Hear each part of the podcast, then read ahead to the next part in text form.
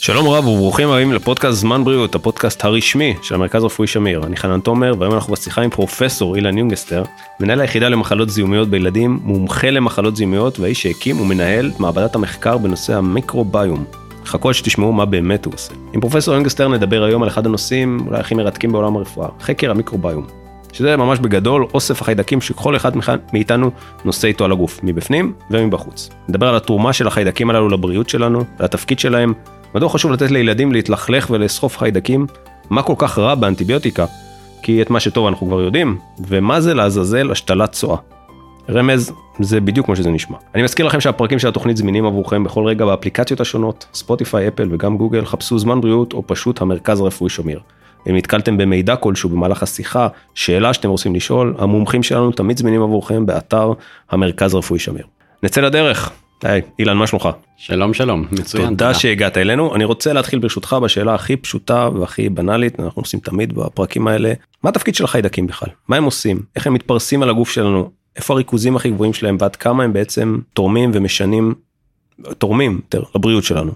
אז זו שאלה נהדרת שעוד אין לנו תשובה מלאה עליה, אנחנו בדיוק בימים אלה בשנים האחרונות מגלים את עולם החיידקים בגוף שלנו ולא ברור עדיין עד הסוף כל התפקידים שלהם אבל אנחנו יודעים כבר בעשר שנים האחרונות שיש להם תפקיד אדיר בשמירה על הבריאות שלנו ובהתפתחות מערכת החיסון, המערכת המטבולית בגוף ועוד הרבה דברים. המייקרוביום או אוסף החיידקים שיש לנו בגוף זה בעצם מסה אדירה של חיידקים ובטח כולם שמעו כבר את הקלישאות. זה כמה המסה האדירה הזאת סתם אז בטח כולם כבר שמעו את הקלישאות האלה אבל זה כל כך יפה שאני תמיד מספר את זה, זה, זה יש לנו משהו כמו 10 בחזקת 12 תאים בגוף שלנו ו10 בחזקת 13 חיידקים בגוף זה אומר אנחנו בערך 90 אחוז חיידקים ו10 אחוז בני אדם אם אנחנו סופרים תאים. אנחנו יודעים היום להסתכל על גנים פעילים, ואם אנחנו מסתכלים על פעילות בגוף בכל רגע נתון, ההבדל הוא אפילו יותר גדול. יש פי 700 יותר גנים חיידקיים שפעילים בכל רגע נתון מאשר גנים אנושיים. אז יש להם השפעה אדירה על הבריאות שלנו, ואת כל העושר הזה אנחנו ב-10-15 שנים האחרונות מתחילים אה, להבין יותר. והתפקיד של החיידקים האלה ממש על קצה המזלג אני בטוח שאפשר להתייחס לזה בהרחבה אה, רחבה מדי. אז העושר האדיר הזה של חיידקים נמצא בעיקר במערכת העיכול שלנו בערך 90% מכל החיידקים נמצאים במערכת העיכול והם באינטראקציה יומיומית גם עם מערכת החיסון שלנו, גם עם מערכת העיכול, הם משפיעים על אה, כל התחומים האלה. בתור ילדים שאנחנו מתפתחים, אה, הם מלמדים את מערכת החיסון שלנו למשל כנגד מי לפעול, איך לפעול, כמה חזק לפעול.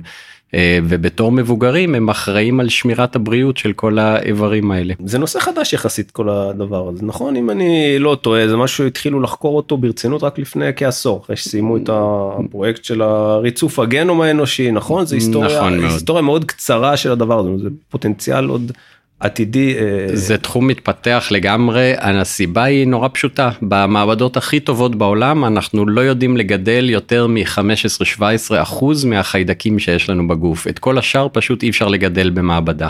אז עד שלא התחלנו לבדוק בשיטות ריצוף, איזה חיידקים יש לנו בגוף לא ידענו בכלל שיש לנו לא, המדע לא יכול למצוא דרך לגדל אנחנו עושים דברים אה, הרבה הרבה יותר מתוחכמים ופה לא מצליחים אה, לעשות את זה? זה חיידקים מאוד רגישים שקשה לגדל אותם בתנאים אה, מחוץ לגוף ולכן רק ב-15 שנים האחרונות בכלל אנחנו יודעים על כל העושר הזה וזה בכלל רק כשאנחנו מדברים על חיידקים צריך לזכור שיש אצלנו גם וירוסים ופטריות וטפילים אה, בכמויות דומות.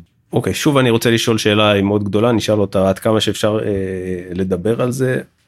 איך מבדילים בין חיידקים טובים לחיידקים אה, רעים?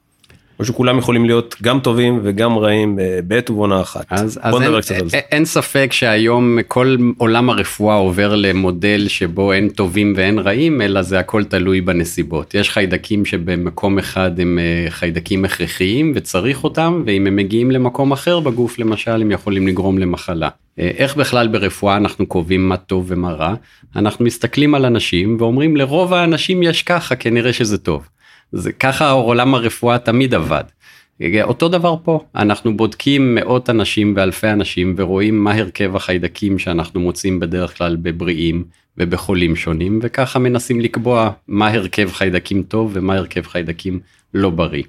אבל בגדול כל הנושא של פתוגנים או חיידקים רעים שגורמים למחלות זה נורא תלוי נסיבה. רוב החיידקים יכולים להיות טובים בהקשר מסוים ולהיות חיידק, חיידקים רעים בהקשר אחר. וזה תלוי גם אולי המקום בו הם נמצאים והאדם עצמו גם. נכון, בהחלט. זאת אומרת זה לא רק uh, תלוי החיידק עצמו זה גם איפה אתה שם אותו ואיפה גם מי האדם שנושא אותו ובאיזה נסיבות הוא גם הגיע לגוף הוא נמצא שם. נכון. למשל כל חיידק שמגיע למחזור הדם אנחנו יודעים שהוא יכול לגרום למחלה קשה גם אם זה חיידק שבמערכת העיכול אנחנו חייבים אותו. זה מרתק הדבר הזה עד כמה באמת אה, אני שואל את עצמי קשה לנו לאדם הממוצע לשמור על איזון בכלל בין החיידקים הטובים לרעים איך אנחנו יודעים שוב זה קשור אני מניח להרגלי תזונה או דברים כאלה עד כמה אנחנו יכולים לאזן ביניהם ולגרום לכך שרוב החיידקים הטובים יישארו. אז אין ספק שאורח החיים של האדם המודרני המערבי מאוד משנה את הרכב חיידקי המעיים שלנו אנחנו יודעים את זה ההרכב חיידקים שלנו שונה ממה שהיה לפני דור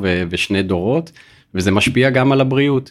אה, וזה תלוי בנסיבות אה, החיים, זה תלוי בפעילות גופנית, בתזונה מערבית נוראית שאנחנו אוכלים רובנו, באנטיביוטיקות שאנחנו נחשפים עליהן, בכימותרפיות, בטיפולים אה, תרופתיים כאלה ואחרים.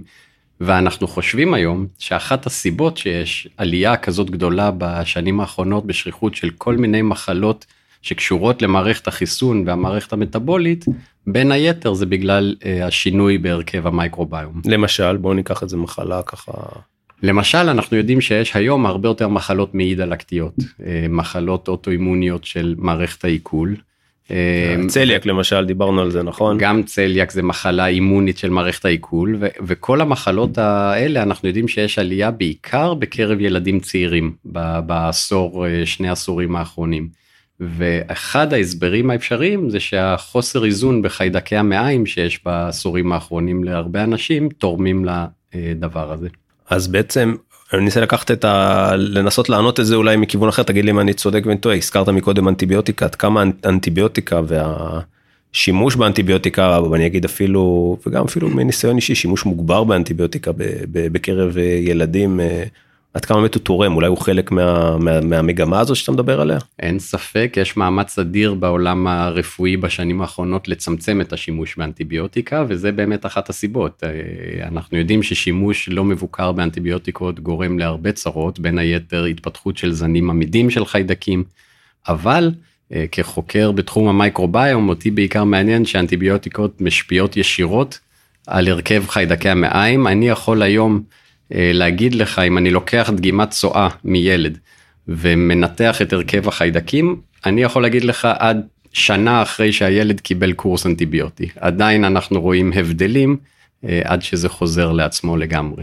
מה אתה אומר? מרתק. אני חושב שהשימוש באנטיביוטיקה אנחנו נבדלים גם, אה, או אני לא אגיד אנחנו, אולי בוא, בוא ננסה לתקן את זה, יש אזורים שונים בעולם שבהם השימוש באנטיביוטיקה הוא, הוא שונה, ואני מניח שזה גם, אני לא יודע אם עשו מחקר על זה, אולי אתה יכול להרחיב באמת על מצבם או התפתחות של ילדים בגילאים האלה לנוכח השימוש באנטיביוטיקה כן או לא. ללא ספק שימוש באנטיביוטיקה זה משהו תרבותי גם וזה תלוי אה, מיקום גיאוגרפי.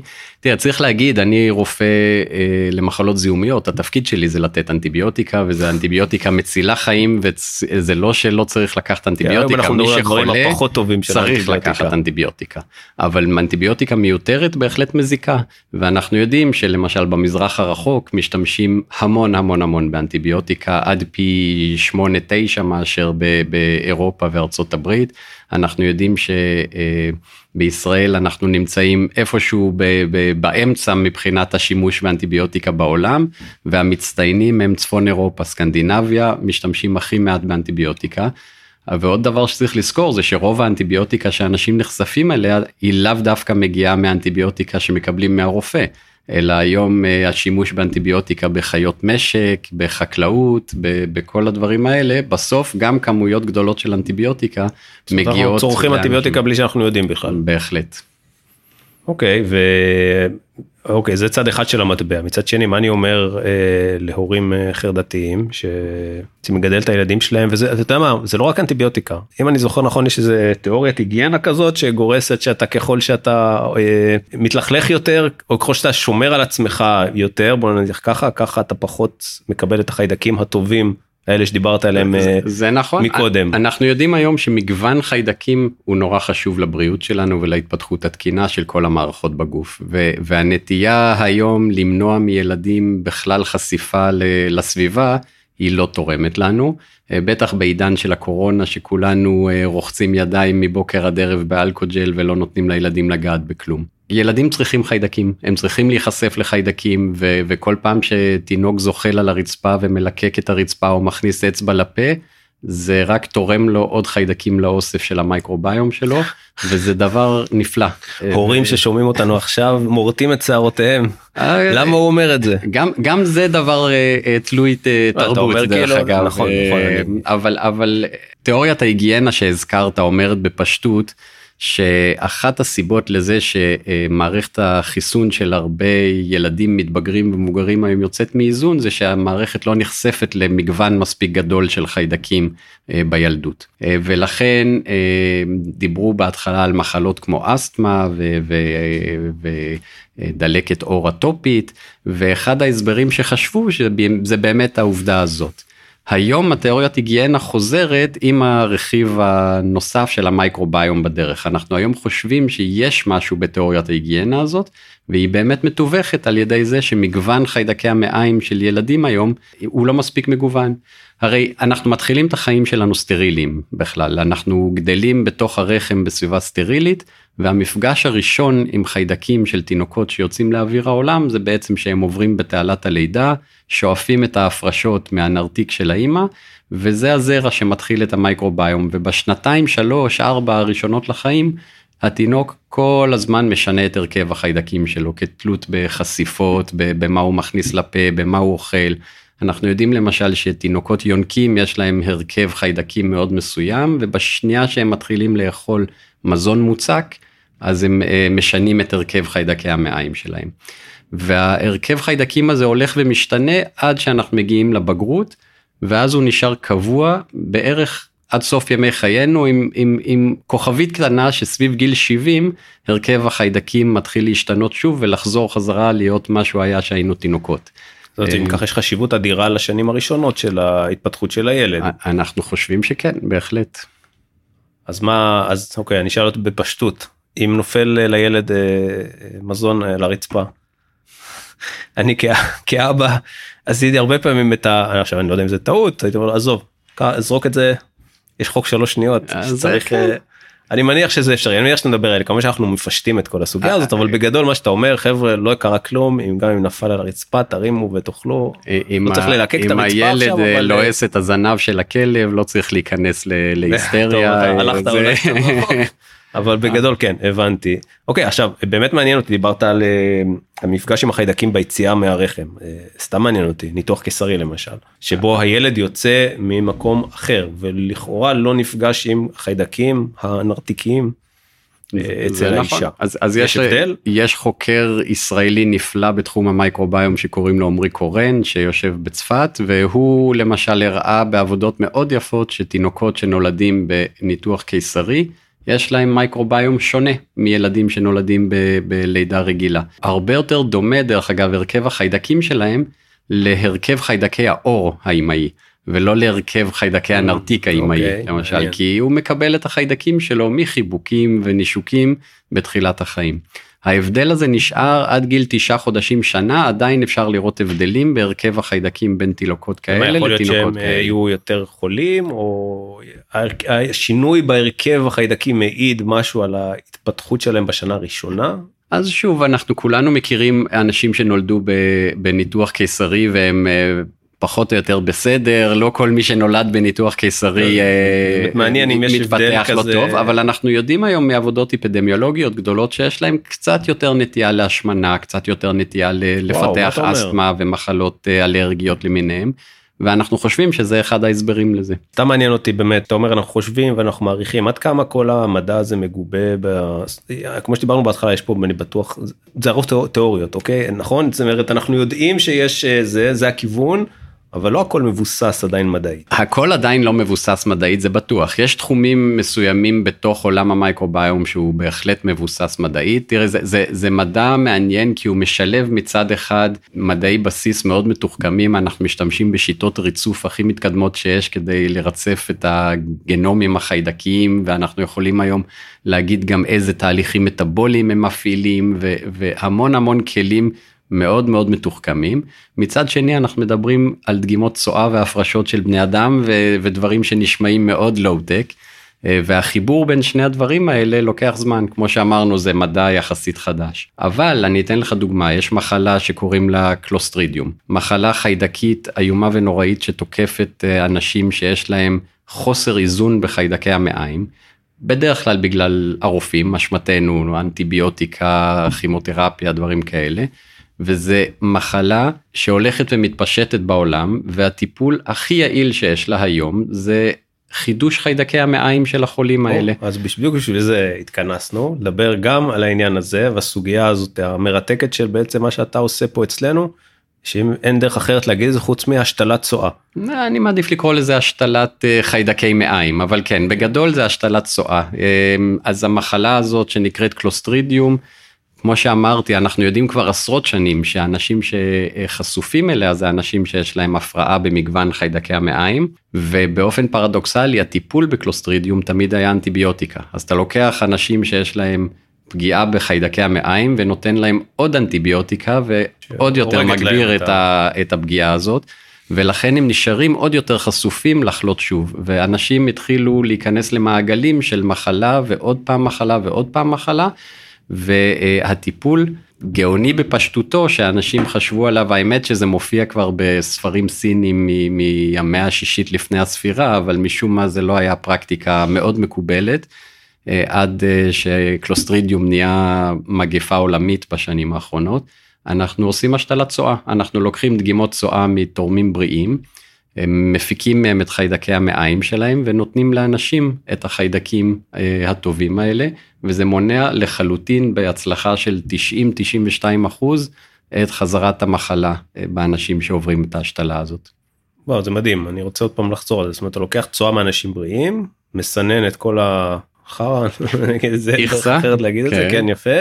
משאיר את מה שצריך ולוקח את זה ושם את זה אצל בן אדם בריא ובעצם נותן לו את החיידקים חיידקי המעיים שחסרים לו. נכון מאוד עכשיו ההשתלת צואה הזאת אה, התחילה לפני 12-13 אה, שנה התחילו לעשות את זה כפרקטיקה ניסיונית בכל מיני מקומות בארצות הברית ובאירופה.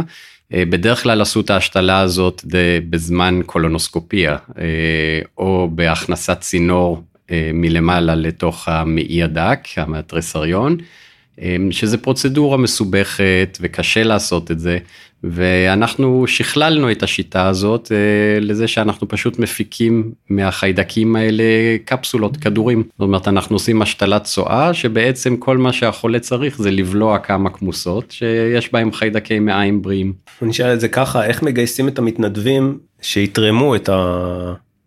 את הצואה הזאתי? אז בישראל זה באמת אה, קשה, אנשים מעדיפים לתרום כליה מאשר לתרום אה, צואה, אבל אה, יש לנו מאגר של אה, חבר'ה צעירים, בריאים, יפים וחתיכים שתורמים לנו. אה, והם פשוט באים לפה, עושים את מה שהם עושים. אנחנו ו... עושים להם בדיקות רפואיות מקיפות כדי לוודא שהם בריאים, והם באים לפה מדי פעם ונותנים לנו תרומה. סיפרת לי uh, מקודם uh, לפני שהקלטנו על uh, מטופלת בת uh, 92 שסבלה מהדבר הזה רוצה לשתף כן. מה, מה היה תראה, עם הטיפול הזה הוא מדהים כמה שזה נשמע לואו-טק ומגעיל זה באמת טיפול שמציל חיים. Uh, ובמחקר הראשון שעשינו על הקפסולות היה לנו למשל משתתפת שהייתה בת 92 בזמנו והיא גרה במוסד סיעודי רק בגלל המחלה היא הייתה צלולה לגמרי אבל היה צריך להחליף לה חיתול. כל רבע שעה 20 דקות בגלל הקלוסטרידיום. שנתיים של מחלה לא הצליחו להיפטר מזה, היא השתתפה במחקר, בלעה פעם אחת קפסולות, יומיים אחרי זה היא כבר הייתה בלי שלשולים וחזרה לגור לבד. ועד וואו. היום היא כותבת לי מכתבים אה, מיילים פעם בחודש היא היום בת 98 כמעט אה, ועדיין אה, בריאה כמו שור. אוקיי, okay, אם אני מבין נכון, בעצם הפיתוח של הכדורים הוא הדבר שבעצם ייחודי לנו, זה משהו שפותח פה במרכז הרפואי שמיר, נכון? הכדורים האלה, אנחנו אה, אחד המוסדות היחידים שמכינים את ההשתלות צואה האלה בכדורים, זה טיפול מאוד פשוט, זה מונע מאנשים את הצורך בכל מיני פרוצדורות אה, חודרניות כמו קולונוסקופיה או זונדה. אמ, והיום הטיפול הזה לקלוסטרידיום דרך אגב כבר לא נחשב מחקר זה זה טיפול מקובל מאושר על ידי משרד הבריאות ועל ידי כל האיגודים גדולים בעולם זאת אומרת שמי שסובל מקלוסטרידיום חוזר יכול להגיע לקבל טיפול בלי שום צורך במשהו נוסף. וזה בטח גם פותח פתח למגוון רחב של רעיונות למחקרים עתידיים בנושאים דומים כאלה מה שעובד במחלה אחת בצורה כזאת בהכרח יכול לעבוד גם במקומות אחרים אני בטוח שכבר יש איזה משהו ש... אז בהחלט אז כל תחום המייקרוביום בעצם אה, מבחינת כמות המאמרים המדעיים שנכתבו בעשר שנים האחרונות זה אחד התחומים הכי גדולים אה, שיש בעולם המדע. ויש עוד המון המון המון כיוונים למחלות שאנחנו חושבים שנגרמות או שמוחמרות בגלל הפרעות בחיידקי המעיים.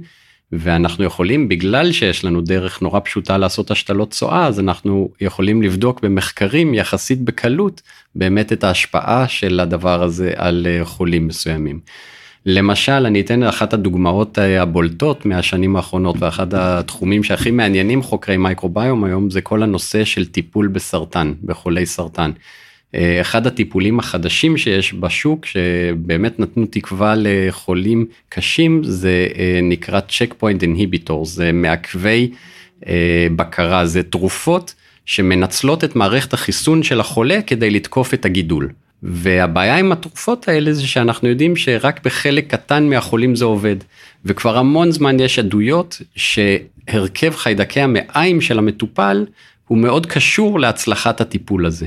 ואחד העבודות המעניינות שעשינו בשנים האחרונות זה היה בשיתוף עם אה, פרופסור גל מרקל משיבא אה, שהוא מומחה למלנומה לקחנו חולים שהגיבו נהדר לטיפול הזה ונכנסו לריפוי מוחלט אחרי הטיפול בצ'ק פוינט אינהיביטור. לקחנו מהם דגימות צואה, הכנו מהם כדורים ועשינו השתלות צואה לחולים עם מלנומה גרורתית שלא הגיבו לטיפול כמו שצריך. ואחרי שהחלפנו להם את חיידקי המעיים חזרנו על הטיפול ופתאום קיבלנו מספר לא מבוטל של אנשים שכן הגיבו לטיפול בפעם השנייה. זאת אומרת שאנחנו בעצם הגברנו ב-30 אחוז את התגובה של החולים האלה לטיפול במלנומה וזה דבר מדהים זה פורסם בסיינס לפני אה, שנה בערך. כל עולם הפארמה היום מסתכל על הדבר הזה ומנסה לחקור את זה ולהבין לעומק את התוצאות האלה. וואו, זה, זה, זה מרגיש לי ממש כשאנחנו מדברים פה זה קצה הקרחון של משהו שעתיד לשנות את, את עולם הרפואה mm. הידע המידע הזה. אין ספק דוגמה נוספת אחרת יש לנו פה חוקמי, חוקרי מייקרוביום מדהימים בארץ למשל אה, ערן אלינב וערן סגל ממכון ויצמן שפרסמו לא מזמן ש... אה, חולי ALS, מחלה נוירולוגית, אה, דגנרטיבית, חשוכת מרפא, אה, גם כן ימצאו הבדלים גדולים בהרכב חיידקי המעיים בין חולים לבין בריאים. ובעכברים לפחות, עדיין לא באנשים, אבל בעכברים הראו בעבודות מקדמיות שאפשר להשפיע על מהלך המחלה, למתן את מהלך ההידרדרות של המחלה הזאת על ידי טיפולים שמשנים את הרכב חיידקי המעיים. אה, אנחנו מקווים מאוד בקרוב להתחיל עבודה שתבדוק את הנושא הזה גם בבני אדם עם ALS. ודובר אה, אמרנו גם משהו היה על אוטיזם נכון גם כן אה, נבדקה איזה אז אוטיזם זה מחלה שתמיד מחפשים לה פתרונות ושוב אני אני לא מאלה שמאמינים שאנחנו נצליח לרפא אוטיזם בעזרת השתלת צואה אבל מה שאנחנו כן יודעים זה שיש לילדים על בטווח האוטיסטי המון המון בעיות עיכול, הרבה מאוד כאבי בטן ועצירויות והדבר הזה מאוד משפיע על הקשיים ההתנהגותיים שלהם. ויש לנו פה מחקר אה, גדול שאנחנו מנסים לטפל בילדים עם אוטיזם שיש להם בעיות במעיים בעזרת השתלות צואה ואם לא נצליח להשפיע על האוטיזם לפחות נצליח אה, לשפר את איכות החיים שלהם שזה לא פחות חשוב לפעמים. וואו. מדהים. אמ, אני רוצה לשאול אותך שאלה אחרונה לסיכום. איך רופא ילדים מגיע להתעסק עם צורה של מבוגרים איך המסלול הזה איך שינית את המסלול הזה והגעת זה משהו ככה תוך כדי שאתה מדבר אני אומר רגע הוא בעצם רופא מחלות זיהומיות בילדים ופתאום הוא מתעסק בדברים כאילו איך, איך עושים את המסלול הזה? אז קודם כל אני עדיין בעיקר רופא ילדים ועובד כרופא ילדים זיהומולוג ילדים אה, רוב הזמן. כל התחום של מייקרוביום בעצם אה, מבחינתי החלק שעניין אותי בהתחלה היה ההתפתחות של חיידקי המעיים בשנים הראשונות לחיים. אה, כמומחה למחלות זיהומיות זה, זה סקרן אותי והתחלתי לחקור את הנושא הזה. אה, ולאט לאט במקרה הגענו הגעתי לעשות עבודות מחקר על השתלות צואה ובאמת התחום הראשון שבו אנחנו רואים תוצאות מדהימות זה בקלוסטרידיום שזה בעיקר מחלה של מבוגרים. אבל אה, לא זנחתי בכלל את אה, תחום הילדים וזה באמת זה זה עולם שמחבר את כל את כל העולמות של הרפואה גם מבוגרים וגם ילדים. אה, אני רוצה להגיד לך תודה רבה על השיחה הסופר מרתקת הזאת. למדנו שצואה זה טוב שילדים יכולים לאכול מהרצפה ושאנטיביוטיקה אפשר גם קצת פחות עד כמה שניתן המון המון תודה אשמח לארח אותך שוב בפרקים הבאים למחקרים ודברים אה, נוספים ש, שיעלו ב, בשיטות הטיפול הייחודיות האלה אני מזכיר לכל מי ששומע אותנו הפרקים של התוכנית זמינים עבורכם בכל האפליקציות השונות שלנו בספוטיפיי באפל וגם בגוגל חפשו זמן בריאות או פשוט המרכז רפואי שמיר אה, יש שם כבר רשימה אה, די ארוכה של פרקים שהקלטנו בנושאים שונים ומגוונים תודה רבה. תודה לך. נתראה בפרקים הבאים להתראות. ביי.